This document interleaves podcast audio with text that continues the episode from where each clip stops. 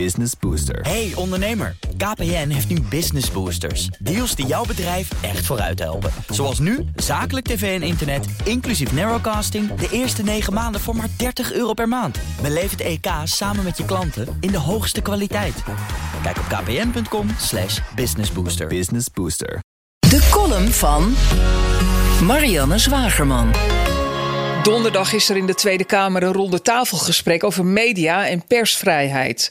Een superbelangrijk thema in deze verwarrende tijden, waarin het enige Nederlandse persbureau in handen kwam van een man die de vrijheid van meningsuiting gevaarlijk vindt. En Tweede Kamerleden en artsen van LinkedIn worden gegooid. Maar daar gaat het gesprek in de Kamer niet over. De focus ligt alweer op de fysieke veiligheid van mediamakers. Het draait daarbij niet alleen om het handjevol mensen dat tegen NOS-auto's plast. Cartoonist Ruben Oppenheimer en misdaadjournalist Paul Vugts, beide wel wat gewend als het gaat om bedreigingen, komen hun ervaringen delen.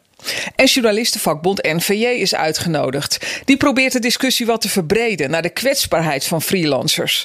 De columnisten, fotografen, cameramensen en ander ZZP-volk dat het moet doen zonder fatsoenlijke bescherming van een werkgever.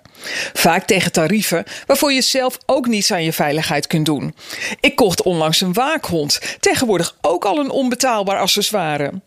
Maar de uitgevers, waar het geld weer ouderwets tegen de plinten klotst, willen nieuws- en opiniemakers niet fatsoenlijk betalen. Ze keren zich tegen het SER-advies om naar aanleiding van de commissie Borstlab de uitwassen op de arbeidsmarkt uit te bannen. De mediawerkgevers kunnen niet leven met de afspraak dat een freelancer die minder dan 30 euro per uur krijgt als werknemer wordt gezien. Fotografen, krantenbezorgers en andere onmisbare schakels in de mediawereld gaan namelijk voor minder geld op pad. Maar de echt grote bedreiging voor de media komt van de politiek zelf. Het kabinet probeert er even snel een wet doorheen te rommelen die legaliseert wat het NZTV al tijden illegaal deed: de eigen bevolking bespioneren. Maar andersom komen wij niet te weten waar we recht op hebben. Nieuwsuur sleepte Hugo de Jonge voor de rechter vanwege zijn botte weigering om stukken vrij te geven, waarbij corona als excuus werd gebruikt. Nieuwsuur won, maar we weten uit het toeslagenschandaal dat de regering de schouders ophaalt en de dwangsom gewoon betaalt. Het zijn geen incidenten. De regering had bijna nooit de wettelijke termijn die is gesteld voor het vrijgeven van informatie. Ze werken het wobben actief tegen. Een weerstandshouding, zegt staatsrechtsprofessor Wim Voermans, die informatie zuurstof van onze democratie noemt.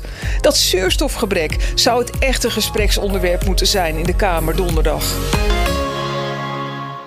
Business Booster. Hey ondernemer, KPN heeft nu Business Boosters. Deals die jouw bedrijf echt vooruit helpen. Zoals nu, zakelijk tv en internet, inclusief narrowcasting... de eerste 9 maanden voor maar 30 euro per maand. Beleef het EK samen met je klanten in de hoogste kwaliteit. Kijk op kpn.com slash businessbooster. Business Booster.